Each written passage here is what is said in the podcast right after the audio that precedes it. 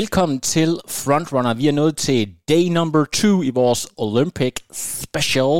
I dag med utrolig fornem besøg. Udover altid skarpe Henrik Thiem har vi nemlig direkte fra Københavns Idrætspark Europamester Joel Ibler Lillesø.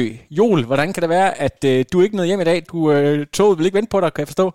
Nej, nej, der var sgu lige nogle togproblemer. Og så, øh, ja, selvom man er tjent, så får man sgu ikke sin egen limousine. Så øh, jeg, måtte, jeg måtte desværre lige hoppe fra, og så øh, finde et sted, hvor der var læg. Det kunne jeg så gøre op ad park, den smukke park, hvor øh, selvfølgelig yndlingsholdet FCK stiller. Så altså, det, er også, det er også et fint sted, det er godkendt. Henrik Thiem, øh, sidder du også er lidt starstruck ligesom mig over at have sådan så fint besøg i øh, vores ydmyge podcast? Jeg er da mere, uh, mega starstruck. Det er jo ikke hver eneste dag, at vi har en rovemester med i studiet. Og sikke en champ han var. Øh, jeg sad og så hans løb, og det var en sand fornøjelse. Det var jo sådan, at uh, jeg havde skrevet lidt frem og tilbage med uh, Joel op til, op til løbet om, hvordan det her løb skulle, uh, skulle afvikles. Og det var en fornøjelse at se, at de ting, som vi har snakket om, uh, de sad lige i skabet. Jeg er jo sådan en fyr, der bare tager alt på min kappe og siger, den her guldmedalje, den er også lidt drøset ned mod mig. ja, ja, ja det, det, det, jeg kan godt se det lidt til. Men det, jeg, jeg, jeg, ikke, jeg, aldrig, jeg, jeg vil sige, det var, det var faktisk, altså, det var et løb, hvor jeg, jeg aldrig prøvede det før, men gameplanen, den gik altså efter hver en meter.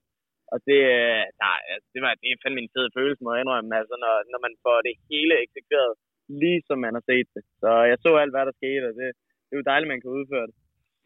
Men når det er sagt, så vil jeg også lige øh, give et, et kæmpe øh, respekt øh, til øh, Jols træner, Carsten Rytter. Jeg har kendt Carsten i, mange år. Han, han gør en kæmpe indsats for Jol og for de andre øh, atleter i, i bagsvær. Han fortjener øh, den dybeste respekt for hans, øh, for hans arbejde. For jeg vil gå så langt at sige, jeg tror ikke, du har været der i dag, hvis øh, Carsten ikke har været der. Ingen tvivl om det. Ingen tvivl om det. Han er en fantastisk træner. Han er hver gang. Jeg kunne godt tænke mig at vide, Joel, når der nu er OL, og det er jo selvfølgelig super motiverende at se, men det kommer lidt på nogle skæve tidspunkter. Du er jo, selvom at du godt kan tillade dig at holde lidt sommerferie og fest lidt, så træner du selvfølgelig stadigvæk stenhårdt. Hvordan prioriterer du ind i dagen i forhold til at få set øh, en masse OL, og så træne samtidig? Jeg, jeg går også ud fra, at man hiver en masse motivation ud af, ud af at se de her øh, fede race, der er for tiden. Ingen tvivl om det. Øhm, altså, det er sådan, sådan min hverdag ser ud lige nu. Altså, så er det jo bare at og kasse OL. Øhm, træne, øh, som jeg skal. Jeg træner de der ja, omkring ni gange om ugen, ligger stadig over træning. Og så ved siden af det, så i mine restitutionstimer, så er jeg også sommerferie og får set nogle venner og, ja, og piger her og der. Lige, øh, lige får hygge mig. Og så øh, samtidig så finder jeg selvfølgelig noget OL ind, når der er nogle spændende løb, som jeg som jeg har høj interesse i. Især når der er nogen, jeg kender, der løber. Øh, så er ingen tvivl om, at jeg sidder og ser med der. Det, øh, det er så fedt at se OL. Og ja, ja, jeg elsker det mesterskab. Og, og jeg kan allerede sige, at jeg glæder mig til Paris 2024. Der, der, vil jeg, der vil jeg sgu gerne være med. Det, der er intet mere, der motiverer mig at OL lige nu. Det lyder fantastisk, og du har faktisk været så flink over for os, at du har valgt at smide en eksklusiv præmie øh, ud til vores lyttere. Henrik, kan du ikke lige øh, gøre os klogere på, hvordan det er aftalt med jul? Det er noget med en, en, sing, øh, en singlet, kan jeg forstå.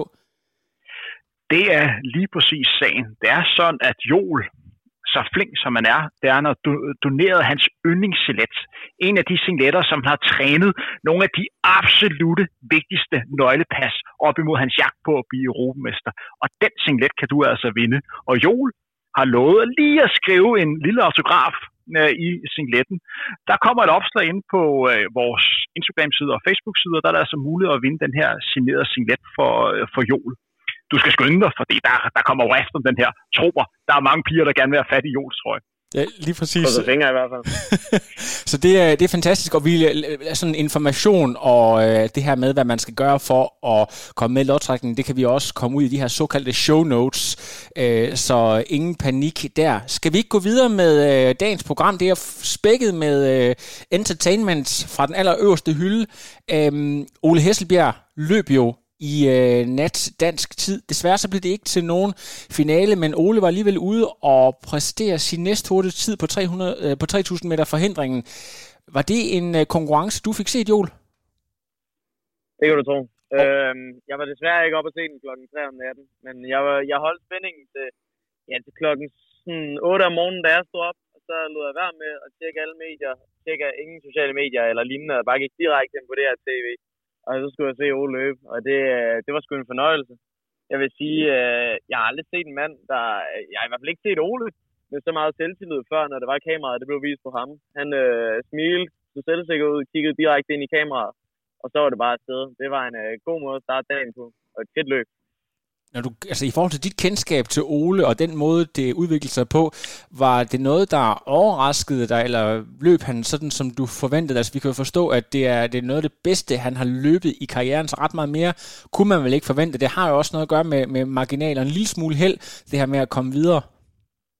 Mm, ja, jeg vil, jeg vil sige, jeg, altså nu, nu har jeg jo ikke lige været igennem hele Oles karriere og set alle hans løb, men jeg kan da se, at det der, det var et løb, som ja, i hvert fald var måske det næstbedste løb i hele hans karriere. Nu har han jo så dansk rekord og løbet et rigtig, rigtig godt løb i, øh, jeg tror det var Finland. Jeg, jeg kan ikke helt huske, hvor det var henne, men uh, der hvor han i hvert fald sat dansk rekord og løb, og løb 28. Øhm, jeg tror faktisk, altså da jeg så løbet, det gik jo lidt taktisk, hvis det havde været et, et løb, hvor det bare gik derud af med pacer og sammenfelt og, ja, og OL og alle de her ja, det er den her store scene her, så, øh, så vil jeg da mene, at så vil den da godt kunne stå dansk kort igen og løbe under 28. Men altså, det er jo et mesterskab, og det bliver løbet på lidt anderledes måder, men, men Ole, han fik da det ud af, altså, han fik da det bedste ud af løbet, ingen tvivl om det. Og han løb sgu flot, altså. Jeg må skulle sige, at øh, jeg synes, at han leverede i hvert fald. Før jeg kaster bolden over til dig, Henrik, med en lidt mere gennemgående analyse af det her løb, så vil jeg gerne lige spørge til sidst her, Joel. Det her med, når man står i en indledende, øh, simpelthen hvor det, hvor det er afgørende at skulle i en finale, hvordan øh, griber man det an? Hvordan plejer du at, at gøre, når du står der, make it or break it? Man skal selvfølgelig ikke øh, makse helt ud, fordi man skal gemme lidt af kræfterne, men samtidig, du ved, så skal man sørge for at få bagdelen med sig. Hvordan griber man egentlig det an som eliteløber? Nu har jeg desværre ikke så meget erfaring med indledende runder, men jeg kan det relatere til, til EMM øh, senior, hvor det var, at øh, ja, så var jeg sgu i indledende på en træer der, og øh, jeg må indrømme, at jeg var rigtig, rigtig motiveret for at komme i en finale. Altså, feltet, det var at øh, stjernetårn højt i forhold til mit. Øh, jeg var ikke, øh, i hvert fald ikke på favoritrollen der, men øh, efter at have set Lindgren løbe, Albert Kjær løbe, kan jeg huske, hvor det var, at de var så tæt på at klare den videre til finalen. Så tænkte jeg bare, at det her, det kan sgu godt lade sig gøre. Men øh, ja, der havde jeg ikke den samme følelse med, at jeg bare lige kunne løbe med overskud og måske komme ind. Der var det altså bare, at jeg skulle følge med forrest i feltet så lang tid som muligt. Det holdt desværre ikke helt, men hold kæft, hvor var jeg motiveret. Jeg ville gerne blive præsenteret på den store skærm og så videre på finalen. Det, det, jeg, jeg elsker sådan noget medielys og så videre, men øh, det fik jeg desværre ikke lov til den her omgang. Så det må vi prøve. Vi må prøve at komme videre næste gang. Fantastisk. Jeg kan næsten men øh, det er i hvert fald, hvad jeg kan relatere føle øh, entusiasmen ud igennem øh, højtaleren her.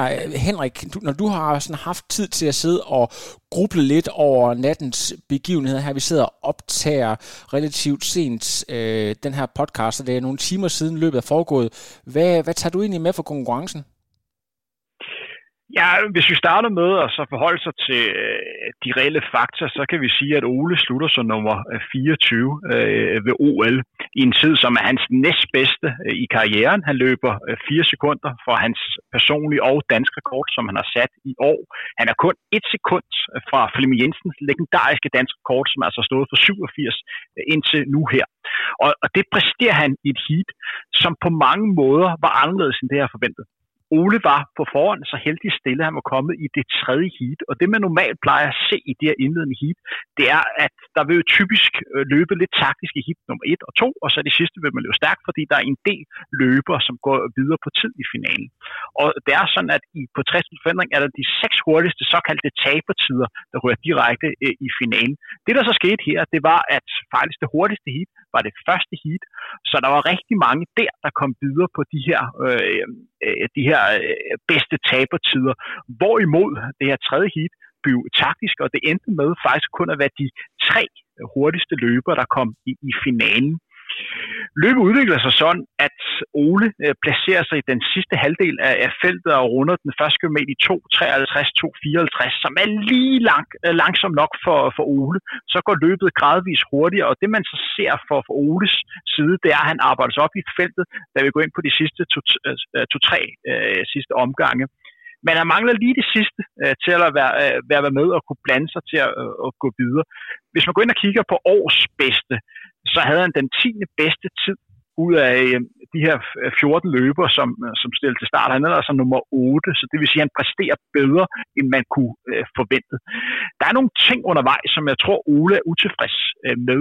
Det er, at undervejs i løbet bliver han lidt fanget bag en etiopisk løber, som papiret bedre ham til Kele. Øh, og han har simpelthen en dårlig dag, og der er Ole når ikke rigtig komme med der, og det gør, at Ole skal bruge relativt meget kræfter øh, på at lukke hul op til de, de første løber. Og det betyder altså lidt i sådan en jojo-løb. Og så kommer han til at ligge lidt ude på, på yderbanen, og det er altså noget, der, øh, der koster, når tempoet bliver, bliver skruet op. Men jeg vil gå så langt at sige, at det her er måske det næstbedste løb, som, som Ole løbet. Det kan man, han, har ikke, han har præsteret det, man kunne forvente. Jeg synes, han løb et rigtig, rigtig godt løb. Det har måske været endnu bedre for Ole, hvis han havde været nummer hit, uh, hit nummer et eller to, for de udvikler sig bedre som en løber, så som Ole. Og hvis Ole skulle uh, gå videre, så skulle han kigge på hans uh, finske uh, kollega Tobi Ratinen, som er en løber, der har nogenlunde af det samme niveau som, øh, som Ole. Og han præsterede altså løb 8-19, og det gjorde han ved at øh, placere sig relativt højt op i feltet hele vejen igennem. Og det er måske øh, det, hvor man kan se og tænke, at det har været en bedre strategi for Ole at lægge sig længere fremme. Jeg vil godt lige høre dig, Joel, her. Øh, hvad tænker du? Tror du, at det var bedre for Ole at lægge sig længere frem, eller var det bedre for ham at lægge sig der, hvor han gjorde? Jamen, jeg kan da godt se det, du siger med, at han er blevet fanget lidt bag. Han har jo også været om bag en rigtig god løber, som man måske ikke havde forventet at lægge sammen med. Så det kan jo være, at på den måde sådan, jo så følte, at måske ligger han meget godt og så på den måde ikke helt har været opmærksom om, hvad der sker op foran. Jeg har det i hvert fald sådan, at når jeg løber, så kan jeg godt lide at være oppe i feltet, så jeg kan se, hvad der sker. Og det er jo det, der kan ske ved at ligge øh, lidt bag i, det er, at du simpelthen ikke øh, kan være opmærksom med alle de ting, der, der kommer til at ske op i fronten, og så lige pludselig, jamen, så er der et hul ned til en, og så, øh, så skal man kæmpe for at komme derop igen. Så ja, hvis jeg var Ole, så havde jeg måske lagt mig lidt mere op i, op i feltet, men der er selvfølgelig også nogle slåskampe og så videre, og det er jo lidt mere trygt at lægge sig bag i, men øh, ja, hvis man vil være med helt fremme og være med i finalen, eller i hvert fald gå videre med det store klub, og man i hvert fald har mod til det, så, øh, så kan man i hvert fald gå op i de der slåskampe. Det er en chance at tage, men øh, den tror Ole ikke. Han vil prøve at tage den lidt mere sådan sikre vej, og det kan selvfølgelig også fejle på nogle punkter. Det kommer jo så til at ske desværre. Men altså, anyway, så var det en rigtig flot placering, altså en rigtig flot sidste omgang. Han havde, han var stadig med Han blev ikke, øh, det var, hullet var ikke så stort den der, og det var altså rigtig, rigtig gode løbere, der var oppe i front, kunne man se. Så ja. Øh, ja, fordi hvis du kigger på, på de løbere, som slutter på en 4., 5., 6. og 7. plads, og sågar en 9. plads, så er det altså løbere, som har betydet bedre personrekorder øh, end Ole. Ham med øh, Takele for, for Etiopien, som slutter som nummer 9, det er altså en løber, der løb 10-12 sekunder hurtigere end, øh, en Ole. Og så er der en stærk løber, som hedder Leonard Betts fra Kenya, som også har løbet omkring 8-10, og Hillary Bohr øh, fra USA kommer heller ikke med. Øh, så, så det viser bare lidt om det niveau, han er op imod niveauet på 3000 forhindring i dag var tårnhøjt. Der blev virkelig løbet stærkt, og også overraskende stærkt. Der blev løbet, det krævede en tid, der var 10 sekunder hurtigere for at komme i finalen end i de seneste OL. Øh, jeg må lige spørge sådan helt afsluttende, hvis vi lige går væk fra danskervinkelen. Er det de navne, vi havde regnet med, øh, der øh, brillerer? Er den form, som vi havde regnet med for forhånd, vist her, eller er der dukket nogen op, som vi måske ikke lige havde nævnt i, i sådan vores indledende snak omkring 3000 meter forhindringen? jeg må indrømme, at øh, ham der dyvden fra Finland, der, der lige pludselig stormede igennem de sidste 100 meter, jeg, jeg havde ingen anelse om, hvem han var, øh, desværre. Så altså, jeg, havde set alle de andre på tv, nu kan jeg ikke sige alle navnene lige ud, men, øh, men ham fra Finland der, jeg anede ikke, hvem han var. Men han var der bare, han så rigtig, rigtig stærk ud, så ja, jeg tror da, han var lidt af en underdog, men det ved jeg ikke, det, ham kender Tim nok lidt mere til. Øh, jeg kendte godt øh, Finn øh, inden løbet, og det er en kenyansk øh, kongedistance. De har altså vundet OL på den her distance siden 84. Og det er kun to mesterskaber, hvor de ikke har taget minimum to medaljer. Der har været fire OL i perioden, hvor de har både vundet guld, sølv og bronze. Jeg tror ikke, at det bliver en kenyansk guld her. Jeg tror, at det bliver Bacardi øh, for Marokko, eller Girma, øh, som vandt heat nummer et for, for Etiopien, og altså løb 8.09. Og jeg skal også lige sige, at der er en løber, som jeg overhovedet ikke kan til, som øh, også løb 8.09. Der var en japaner, der hed øh, Muira, der satte ny nationsrekord og løb 8.09.92 i heat øh, nummer 1. Jeg plejer normalt at kende de fleste løbere. Jeg aner ikke, hvem han er. Ja. Jamen, det er altid dejligt at blive lidt overrasket. Det er også derfor, vi sidder og følger med, for ligesom at håbe, der kommer noget nyt talent eller en eller anden ny superstjerne. Det er altid super fedt. Drenge, er vi der, hvor vi er klar til at gå over til øh, dagens main event, 10.000 meteren? Yep. Det lyder yes. godt. Jul, øh, det var jo meget venligt, eller meget gavmildt for at se med danske briller. Klokken 14 blev øh, det vist, at jeg nåede lige at øh, komme ned i den lokale Føtex og hente nogle øh, chips med American Grill og cola, og så læne mig godt tilbage. Jeg var rimelig godt underholdt. Øh, du er jo en af Europas bedste i din årgang på den her distance. Kunne du mærke nervøsiteten, hele ja, simpelthen nerven gennem skærmen, eller hvad var dit take på, på det, vi så her? Jeg vil sige, sådan jeg har det med 10.000 meter, så er de, øh, ja, som de siger med maraton, nærmest de første 30 km transport. Så vil jeg sige, at de første 20 omgange der, de er transport, og så de sidste 5 omgange, så begynder jeg altså at sidde og, ja. og så begynder mit hjerte i hvert fald at slå lidt mere, fordi så ved jeg godt, at øh, så er det altså nogle topløbere, der skal op og battle mod hinanden sådan for real, fordi det er der, hvor det begynder at blive hårdt. Øhm, og med sidste omgang igen, der, ja, der var der jo så mange øh, samlet om, om, om, om de medaljer der, så der begyndte det jo uh, totalt galompere, og det var mega spændende at se. Øh, det var noget af den sidste omgang, i hvert fald også bare generelt de sidste to omgange, det, øh, der var sgu action for alle pengene der, og det, at det, var sgu, det var fedt at se. Det er sådan en finale skal afgøres, og det, det er det, der gør, at vi får flere fans til sporten i hvert fald, fordi hold nu op, man, man fik da lyst til at sidde på stadion og råbe af dem, men uh, det er der jo ikke nogen, der kan få lov til. Havde du en, en forhåndsfavorit, før øh, du gik ind til, eller sidder man, når man kigger og sidder og, og peger på, okay, han gør det godt, han gør det godt, øh, jeg, jeg, jeg peger på, på den og den person. Hvordan, øh, hvordan sidder du og, og følger løbet? Jamen, jeg har jo de her, øh, jeg har jo de her navne her, som jeg kender. Det er vi selvfølgelig Joshua Cheptegei, verdensrekordholder på både 5 og 10, at kongedistancerne og verdensrekord på. Øh, jeg, vidste, jeg så godt, jeg har set hans løb op øh, her i sæsonen her, og det har altså ikke helt gået hans vej. Han har ikke rigtig levet op til den, øh, til den rolle, han havde skabt for sidste år af. Øh, jeg synes, han har fået nogle tests i Diamond League, så jeg har ikke rigtig løbet de der helt voldsomt imponerende tider, så jeg havde ham i hvert fald ikke som favorit. Til gengæld så var der så Jakob Kimo, øh, hans ja, landskammerat, som, øh, som han så står slog til VM Cross til et VM, men, øh, men han er altså rimelig godt flyvende nu. Han er rigtig ung, øh, og ham, ham havde jeg i hvert fald lagt mine penge på, øh, fordi han har jo løbet absurd stærkt de her, de her dage her på 10.000 meter, og ja, og generelt bare gjort det godt på banen her de, de, de sidste to års tid. Men altså, så var der jo så også en konkurrent, Salomon Barrega, ham har jeg altid været fascineret af, øh, siden jeg i hvert fald lærte ham at kende. Eller, og og, og hvorfor, hvorfor har du det, Joel? Hvad, hvad har du været fascineret af ved ham? Jamen, det, jeg, jeg glemmer aldrig, da det var for to år siden, jeg var nærmest lige blevet sådan lidt mere, jeg var blevet mere, lidt mere integreret ind i den her sport her. Jeg var sådan begyndt at komme ind i den, begyndt at løbe lidt, begyndt at løbe lidt hurtigt. Og der sad jeg jo så og prøvede at finde mig nogle inspirerende løbere med, via en YouTube-kanal, lavet af en fransk atlet, tror jeg, hvor der er simpelthen de fedeste motivationssange, der kører over, hvor man ser highlights for de her løbere her. Og der så jeg så, der var med at Selman Barega fra Etiopien. Og han var jo på det tidspunkt lavet 19 år eller ja. 18 år, hvor jeg bare ser klips, hvor der han smadrer dem til U18-VM, og altså, der var bare det fedeste musik, og man, han, man kunne bare se, at han lukkede af hurtigt og så videre. Hans øjne, de gik godt nok bare sin vej. Det var et lille minus på, på hans udseende, men at hold nu kæft, hvor løb han flot. Øhm, så har man altid vidst, hvem var. Og så da jeg så selv fik lov til at løbe til VM Cross, og så kunne jeg se ham. Jeg kan huske, jeg, inden opvarmningen, hvor det var, jeg simpelthen var ude på, øh, ja, på toilettet, og så, så åbner jeg døren op, og hvem står der? Så kan jeg så se de der to øjne, der går hver sin vej lige i mit ansigt, og det er så til med Barrega. Og så, ja, det er simpelthen øh, Etiopiens svar på Heino Hansen, med, med, med øjne, der, der gør hver sin vej, simpelthen i ren udmeldt. Det, der er også noget fascinerende. Altså, der er jo også noget fascinerende, ikke også, ved at, at, at en atlet kan øh, altså, sætte sig ud over det her med, med udseende og sådan nogle ting, der, at man bare, øh, du ved, makser så meget ud, at øjnene, de, øh, de nærmest ruller rundt i hovedet på en hver sin vej. Ja, præcis. Men han, øh, jeg havde da også set ham som en, øh, som en favorit. Han har, han har løbet rigtig stærkt på banen. Han har jo løbet langt under de der 13 minutter. Hvad fanden han løbet? 20, 12, 12, 45 eller sådan noget på en femmer.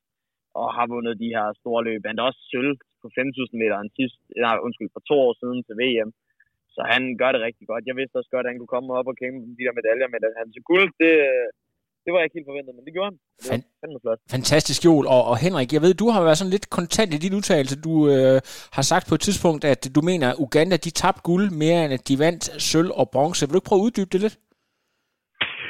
Jo, altså først og fremmest så må man lige ønske øh, Uganda øh, tillykke med, at de har fået deres første to øh, medaljer øh, på, på atletikbanen. De har tidligere øh, vundet guld på maratondistancen. Det gjorde vi Kiputi øh, i London i 2012. Og så tror jeg også, de har vundet noget, noget hækkeløb for, for mange år siden. Men jeg var rimelig sikker på, at de tabte guldet i dag. Jeg synes, den måde, som de forvaltede deres taktik på, var ikke så optimal. Jeg forstod ikke, hvorfor man valgte at sende en, en landsmand afsted, øh, Kirsa, der skulle, der skulle ligge og løbe helt alene øh, og trække nogle af de andre løbere med. Det er fint nok at vælge den taktik, men så vælger de så yde mere at have en løber, Jakob Klimo, som ligger og trækker løberne op til deres landsmand. Altså, hvis du vælger den taktik, og du sender øh, en, en løber ud, og så siger, okay, der må være andre, der skal, der skal hente ham. så skal, man spille, så skal man spille cool og lade de andre løber trække. Hvis der ikke er nogen, der trækker, så kan han så blive, blive verdensmester. Det, der så, så skete, det var, at der var to øh, løber, øh, Barreca og så øh, Quem Boy, øh, som fik, øh, så fik hul til feltet, og så skulle Jakob Kiplimo ligge og hente de to løbere, samtidig med, at han skulle hente sin egen landsmand øh, og det virkede øh, helt forkert. Og så da man hentede ham her, øh, Kirsa, efter 7 km, så udgår han så.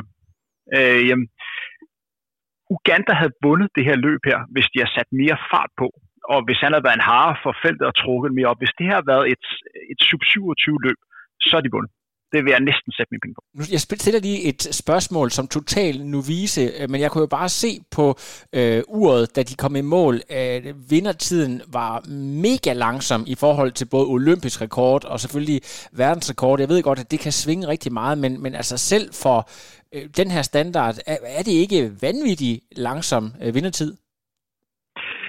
27-43 er jo en god tid. Altså, jeg tror, Joel han ville være meget tilfreds, hvis han havde det som personlig rekord. Jeg har slet ikke været i nærheden, af, nærheden af, af den tid. Det, man skal være opmærksom på, det er, at løbet blev løbet under ekstreme løbeforhold. Det var, det var 30 grader, og yderligere var det en rigtig, rigtig høj luftfugtighed. En ting er at løbe i 30 grader, en anden ting er at have den her ekstreme høje luftfugtighed. Og det gør, at det er svært at komme af med sveden. Og det er sindssygt ubehageligt at løbe med høj luftfugtighed. Jeg er helt sikker på, at Joel har prøvet det selv. Jeg har prøvet det, og det er rigtig, rigtig ubehageligt. Du får den langsomste vindertid siden øh, 1992, men det tror jeg skyldes øh, forholdene, fordi det var svære forhold. Og hvis man går ind og kigger på, på splittene, så de første 5 km blev rundet i 14.08, og så løber man 13.35 øh, til sidst. Og den sidste kilometer øh, går på øh, Øh, jeg tror, det er 2.24. Øh, jeg noterede sidste omgang på, på 53. Det er fint, men det er set hurtigere. Altså, øh, og det kan man også se, at der er jo hvad er der, 16 løber, øh, der, ligger, der ligger samlet, da man kommer ud på de sidste 6 meter. Det er uhørt i en finale på, øh, på, på 10.000 meter ved det, øh, det niveau, at der er så mange løber, der er med. Men kig på en løber som australske øh, øh, Tiernan, så vil man se på, hvor hårdt det var at løbe under den her luftfugtighed. Han ligger altså med de, de bedste løber, indtil der mangler 500 meter. Men taber 50 sekunder på sidste omgang til Breaker. Nej, det er vildt. Han går, han går kold til sidst, og vi er nærmest derude, hvor jeg bare tænker, få, få hjælp til den her mand her. Fordi der er tre fire gange, hvor han, øh, hvor han nærmest øh, kollapser, eller det gør han, og så rejser han sig op igen, og så bevæger han sig hen, og så falder han sådan lidt ned igen, og så kører han op igen. Altså der, hvor man tænker, få ud af det her løb her, det er det sundhedsfarligt. Ja. Men han kom i mål, og det så ud som, at han havde det fint, men det er altså meget at tabe på sidste omgang. 50 sekunder.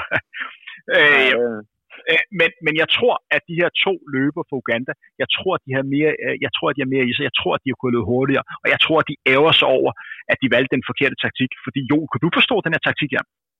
Øh, absolut ikke. Øh, ja, altså det, ham der, hvad var det, han hed? Filsen eller sådan noget. Mega fedt efternavn. Men, altså, jeg kunne simpelthen ikke se, hvorfor han skulle gøre det der. Det, der var absolut ingen grund til det.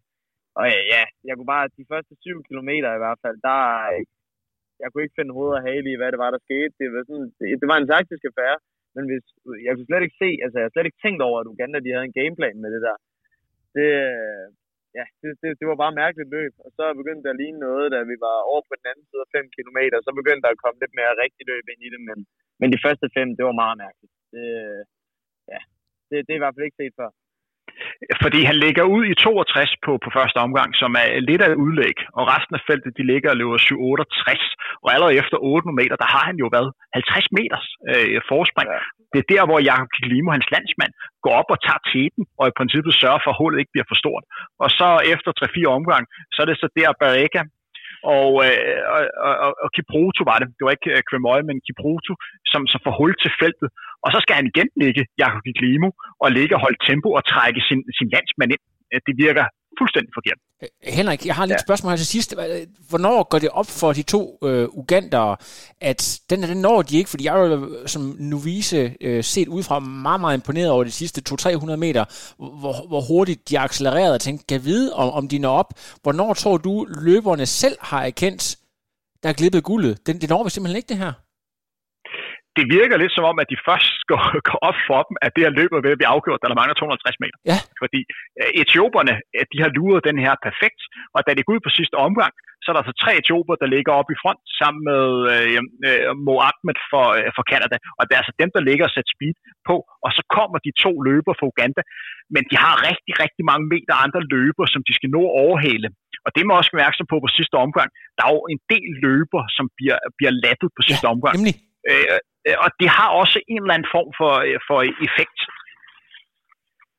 Og når du siger det der med, at det har en effekt, kan du ikke uddybe det bare sådan, at vi alle sammen er med? Jo, altså, du har jo øh, løber, som, som ligger og løber deres eget løb, og det er jo sådan, når man er med i sådan en race, og man giver sig max, så er det svært at forestille sig, at der er nogen, der rent faktisk overhælder med en omgang.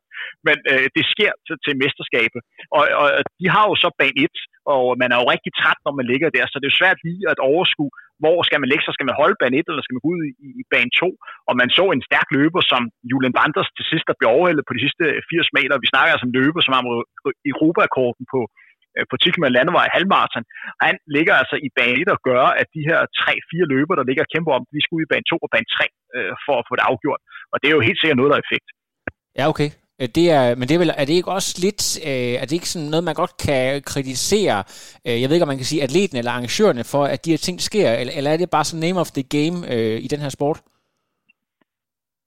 det er, det er ting, der sker. Og jeg synes heller ikke, man kan, man kan heller ikke bebrejde øh, en løber som, som Jule Vanders.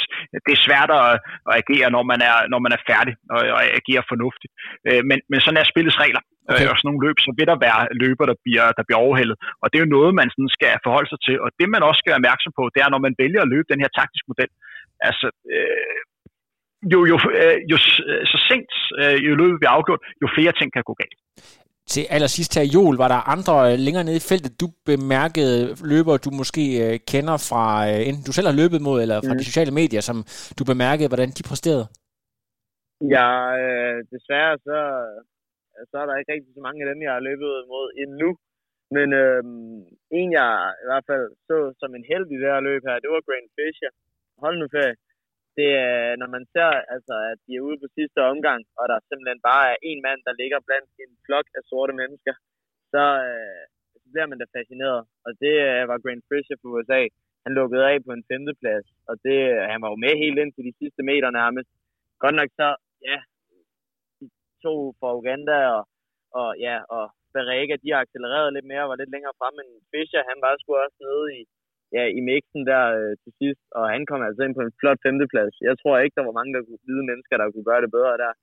Heller ikke Jakob Ingebrigtsen. Øh, han gjorde det simpelthen, han gjorde det så flot der. Han, øh, og så var han jo også en, altså, en smuk mand, altså. Han, han var sgu, øh, han var en perfekt, en perfekt øh, repræsentant fra Amerika der. Hold nu op, han gjorde det godt. Ja, en, en smuk atlet. Det vil, altså, vi kan jo ikke benægte, at det er også noget af det, sporten lever for folk, der har det her gode udseende og, og ligesom forstår at, at sælge sporten til masserne. Fordi det er jo klart, at hvis man sidder som den gennemsnitlige amerikaner, så kan man måske ikke rigtig forholde sig til øh, den her den ene afrikanske navn, de måske ikke engang kan udtale navnet på, at der kommer sådan en, øh, en der ligner naboens søn. Altså det er vel det, der også skal til for, at atletikken vokser, og at der er andre, der har lyst til at tage sporten op. Altså det kan vi lige så godt bare være ærlige om.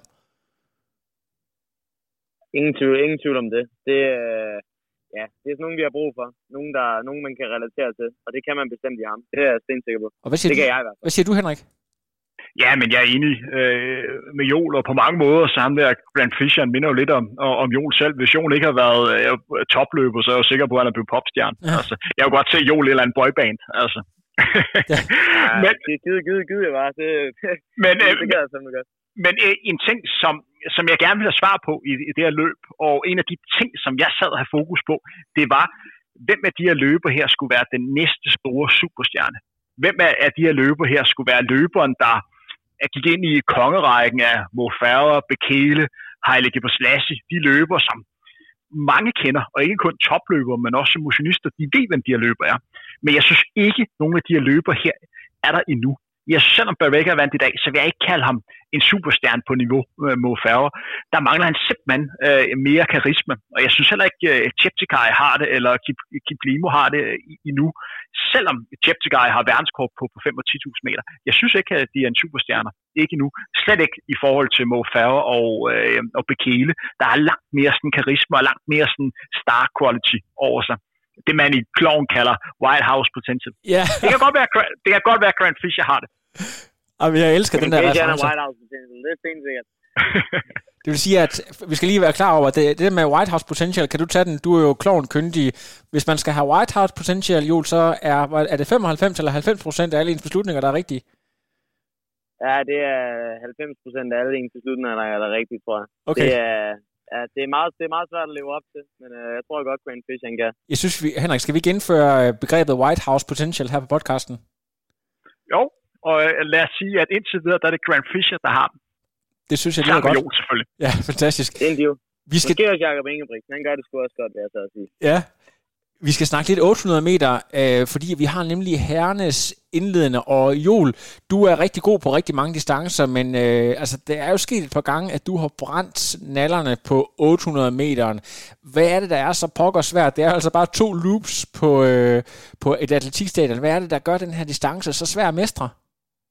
Ja, det lyder jo forholdsvis øh, overskueligt, og det synes jeg egentlig også, det lød.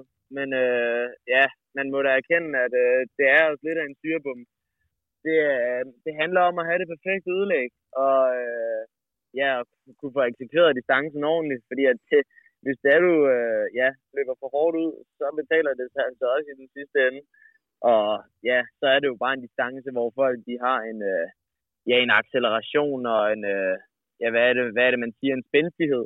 De kan altså løbe hurtigt, og de kan lukke af, og de kan komme hurtigt ud. De, ja, de har i hvert fald en speed, og måske ikke så meget en men øh, de har i hvert fald nok en endurance til at gå alle to omgang ud, og det, øh, det går helvede stærkt på en 800 meter. Det, det, jeg synes, det var en forfærdelig distance. Det var ikke helt lige mig, øh, da jeg prøvede den. Altså, jeg kommer nok ikke til at løbe med 800 igen senere, men øh, ja, det, det er en god distance. Den er hård, og den er rigtig underholdende, og det er topatleter, der er med på den.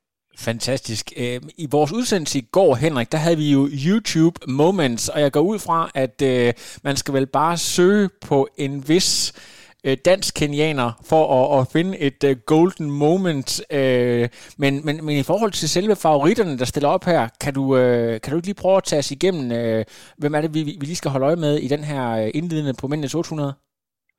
Før vi går derhen, så vil jeg også lige øh, knyde nogle kommentarer til den her 800 meter distance, fordi jeg er fuldstændig enig med Joel. Altså, det mest forfærdelige distance, jeg nogensinde har prøvet, det er 800 meter distancen. Det er syrehelvede ud over det sædvanlige. Jeg vil langt hellere løbe maraton. Det er meget nemmere end 800 meter. Det er simpelthen så hårdt. Og skal man også være opmærksom på, at 800 meter skiller sig lidt ud, fordi mange af de lidt længere distancer, når man går op, så snakker man om med negativ split, og det vil sige, at man skal være i stand til at kunne øge tempo undervejs. Sådan er det ikke helt på 800 meter. Der skal man faktisk øh, løbe den hurtigste omgang, typisk på den første, fordi man får foræret meget i, i starten, og det vil sige, at man ligger altså med et relativt højt laktatniveau efter første omgang, og så skal man stadigvæk kæmpe sig hjem på, øh, på de sidste øh, 400 meter. Og det man også typisk ser, det er, at øh, sidste omgang, øh, mange gange er det samme på en 800 meter, som det er på en 10.000 meter, så man skal ikke blive overrasket. Hvad var det 10.000 meter blev øh, løbet på på sidste omgang? I dag var det ikke sådan noget 53 sekunder. Det kan sagtens være en sidste omgang på, på en 800 meter. Men hvis vi går ind... Det er ikke langsommere på en 800. Øh, måske endda langsommere. Altså, og det viser bare lidt om, hvor hård den, den første omgang er, fordi det er en speciel distance. Det, man skal være opmærksom på på, på indledende på, på mændenes 800 meter, det er, at niveauet og bredden er ekstremt høj på herrenes 800 meter. Øh, så, så, så der er Øh, Øh, der er 30-40 løber, som på en god dag alle sammen kan komme i finalen. Og her der handler det altså om at placere sig rigtigt, og sørge for, at man ikke kommer i kampolage med andre løber, og så tage det valg, skal man gå frem, eller skal man lidt tilbage, skal man satse på sin afslutning, eller bare tænke, jeg skulle bedre end de andre, jeg går op og sætter, øh, sætter tempo på. Og der er en typisk eksempel, der er en løber, som Andreas Kramer for, for Sverige, han løber altid løb for spids, fordi han ved, at hvis han løber op til sit niveau, så går han også videre man ser typisk ved de her mesterskab, at der er mange af forhåndsfavoritterne, som vil ud i indledende. Så det, man skal lade mærke til, når man ser øh, de her løb i morgen, det er, hvem af favoritterne må lide Øh, livet i, i første runde. Og hvis man går ind og kigger på de kolde øh, fakta, så er der altså seks heat, hvor det er de tre bedste i hver heat, der går videre, og så er det de seks hurtigste tider. Og der kan man sagtens stå øh, med, med sådan scenariet, at, øh, at der vil blive løbet taktisk i de første heat, og så de sidste øh, heat vil gå hurtigt. Men det sagde vi også på Mændenes 3000 forandring. Jeg vil helst ikke gå ind og pege på nogle favoritter her, fordi bredden er rigtig, rigtig høj. Udover at jeg har en fidus til Nigel Amos øh, for Botswana, at det er mit øh, personlige bud som en, en løber, som vi kommer til at gå, gå rigtig langt. Men det, man også så med trials for USA, det var, at den forsvarende, øh, den forsvarende verdensmester, ham som USA håbede på at skulle tage en, en stensikker medalje, øh, Donovan Bracer, han formåede ikke engang at kvalificere sig. Han er fejlet til, til trials, fordi på sidste omgang, der var han der ikke. Han faldt fuldstændig igennem, og han kommer ikke til OL, fordi i USA, der er det sådan, at hvis du ikke kommer i top 3 trials, og du samtidig klarer OL-kravet, øh, så kommer du altså ikke med. Øh, og det, det bliver et mesterskab uden, øh, uden verdensmesteren. Men jeg vil også lige nævne, at hvis man gerne vil se et YouTube-klip udover selvfølgelig at søge på Wilson Kipketer, så søg på den mest legendariske øh, løbeøvelse, som har været til OL, udover Usain Bolt. Øh, kan du gætte den, øh, Jo? Øhm, jamen, er det vel så ikke London 2012? Det er det nemlig. Det er det, den gode gamle Rhodesia smadret igennem. Det er det lige præcis, og, og det er finalen på 8 meter, hvor Rudisha, han havde på det her tidspunkt slået Wilson Kipketers øh, legendariske verdensrekord. Det gjorde han året før. Men her der sætter han en ny verdenskort, og den første mand, der løber under 1,41, og det gør han i olympisk finale, han gør det for spids. Alle i det her heat her sætter personrekorder, de sætter nationsrekorder og arena-rekorder, det ene efter det andet. Det er et fantastisk løb at gøre det på den største scene øh, som overhovedet muligt. Det jeg husker for det, er, det løb her i 2012, øh, der jeg håbet på øh, at komme til OL. Det lykkedes mig ikke. Så, så jeg så faktisk ikke så meget OL her. Jeg var i bjergene oppe i Norditalien og prøvede at undgå. Lige pludselig tjekker der en sms ind, en fra mine kammerater, øh, som jeg forbandt med alt andet i en løb, så derfor gik jeg ind og tjekkede på ham. Og hans kommentar var, wow mand, jeg har lige set den vildeste 800 meter. og når han skriver det, så tænker jeg, den her bliver nødt til lige at se en gang, for det, det må være ekstraordinært, og det var ekstraordinært. Forrygende. Og så var der jo, øh, altså kvinderne, de har jo løbet deres indledende, og, og vi er jo faktisk nået til deres semifinaler. Jeg har desværre ikke nået at få fuldt op på den. Henrik, øh, gik de personer videre, som vi havde regnet med? Ja, langt de fleste øh, øh favoritter gik videre til, øh, til semifinalen, og nu skal man altså se, øh, jamen, Øh, et tre hit, hvor de, de to bedste i hver hit og de to bedste tider øh, går videre. Og her vil der helt sikkert nogle af de, de, de bedste forhåndsfavoritterne øh, falde fra. Øh, vi så blandt andet en, en norsk løtter, en norsk øh, kvindelig løber, øh, han en Heidi Nyne, der så rigtig, rigtig stærkt øh, løbe ud, men det er ellers de amerikanske løber, som lægger mærke til. Det man også skal være opmærksom på lige nu her, det er, at øh, Kenya står til at have et rigtig, rigtig dårligt OL indtil videre. De plejer at være så gode i, øh, i langdistansløb, men der er kun én kenyansk kvinde, som er gået videre på 8 meter for kvinder. Samtidig, hvis du går ind og kigger på mændenes 10.000 meter, den bedste kenyaner bliver nummer, nummer 7. Det er uhørt for Kenya. Og på 13 forandring, det plejer også at være en kongedisciplin. Jeg nævnte det tidligere. Jeg tror ikke, det bliver kenyansk guld, og de har altså vundet råb og stop siden 84. Øh, Kenya, de ikke, hvad de har været endnu. Det kan være, at de tager avance, når vi kommer lidt senere hen. For der er nogle distancer, hvor de måske er guldfavoritter, især på, på maratondistancen.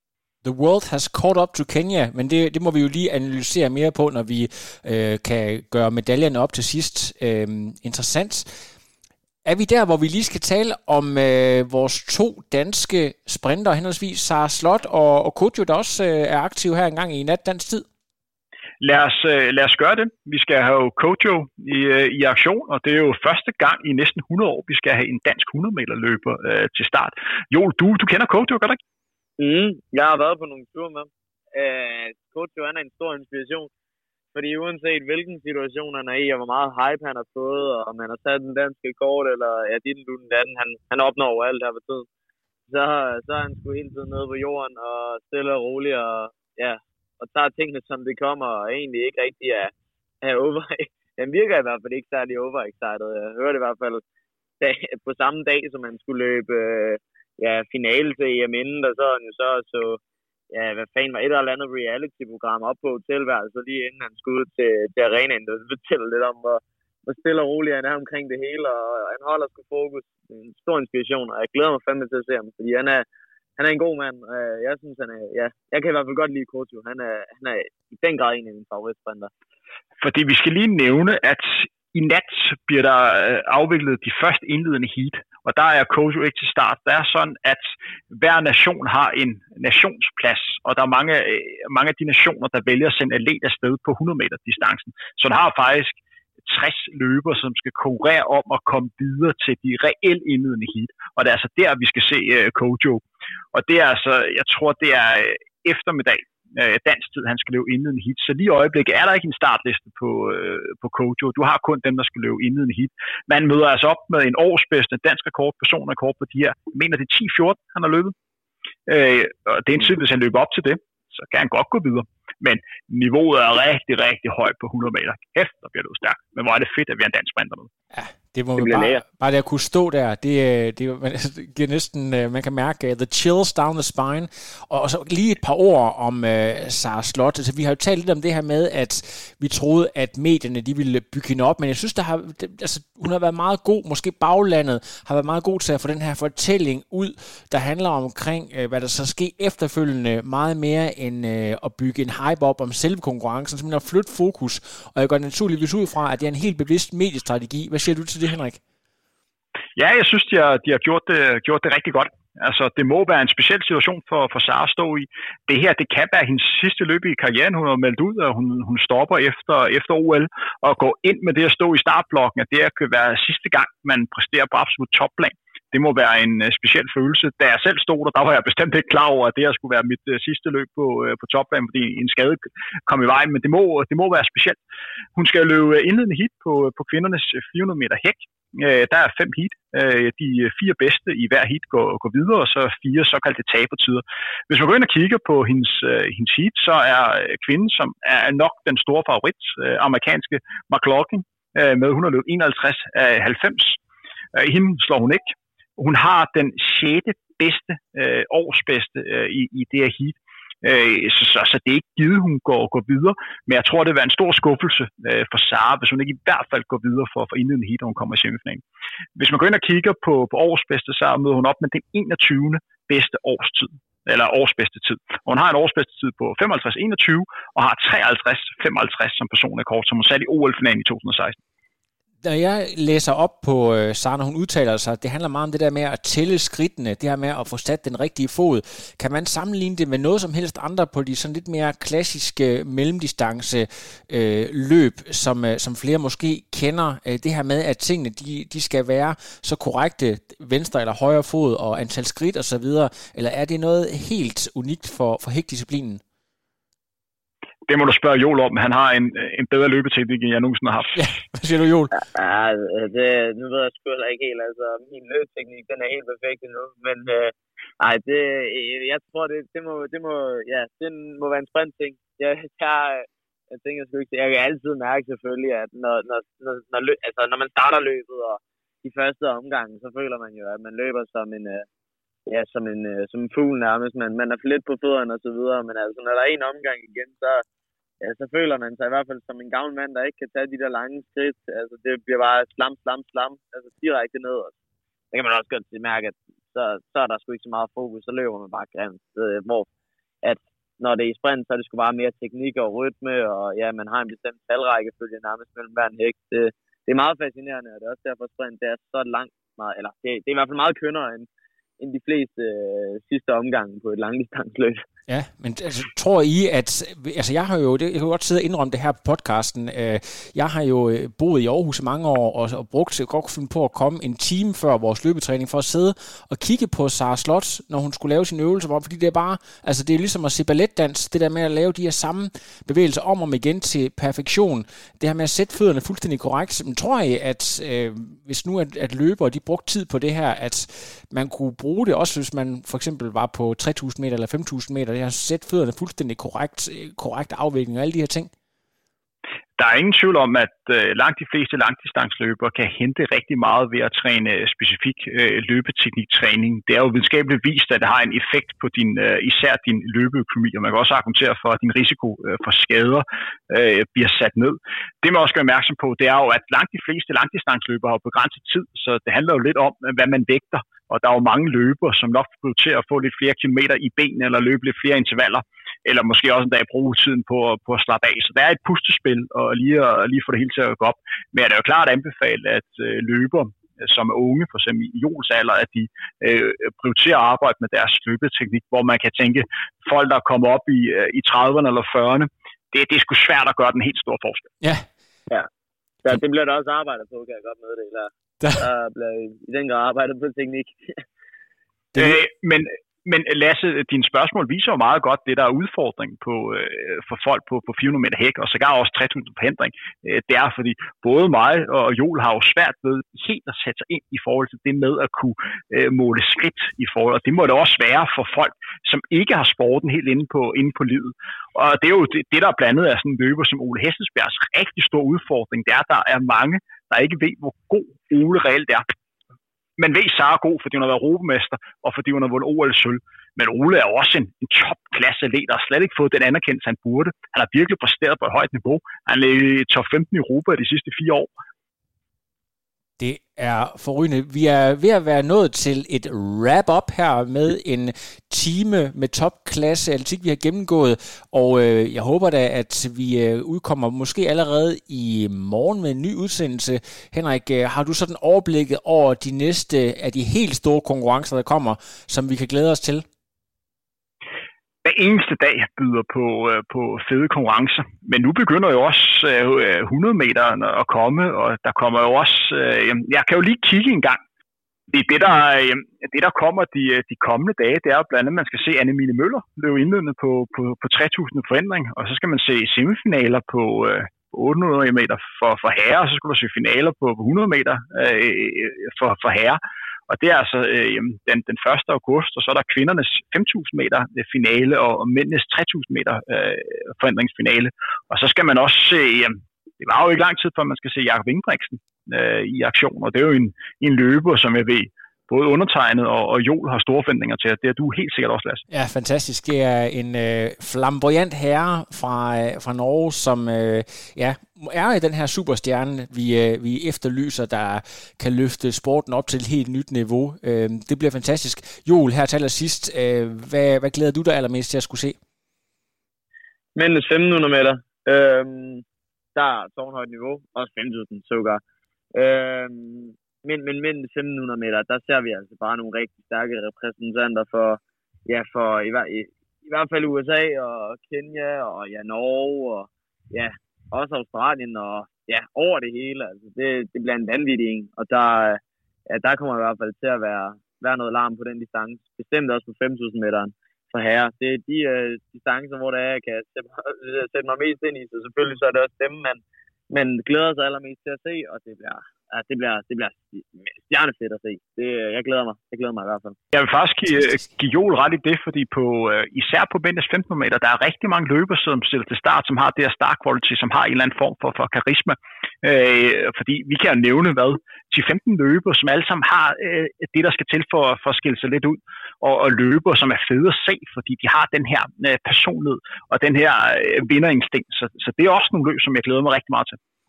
Vi er i hvert fald klar til at dække det hele intensivt med skarpe analyser og insight, så alle lytter derude få øh, lænet jer godt tilbage, sæt lige en pude i ryggen, skru op for fjernsynet og stay tuned.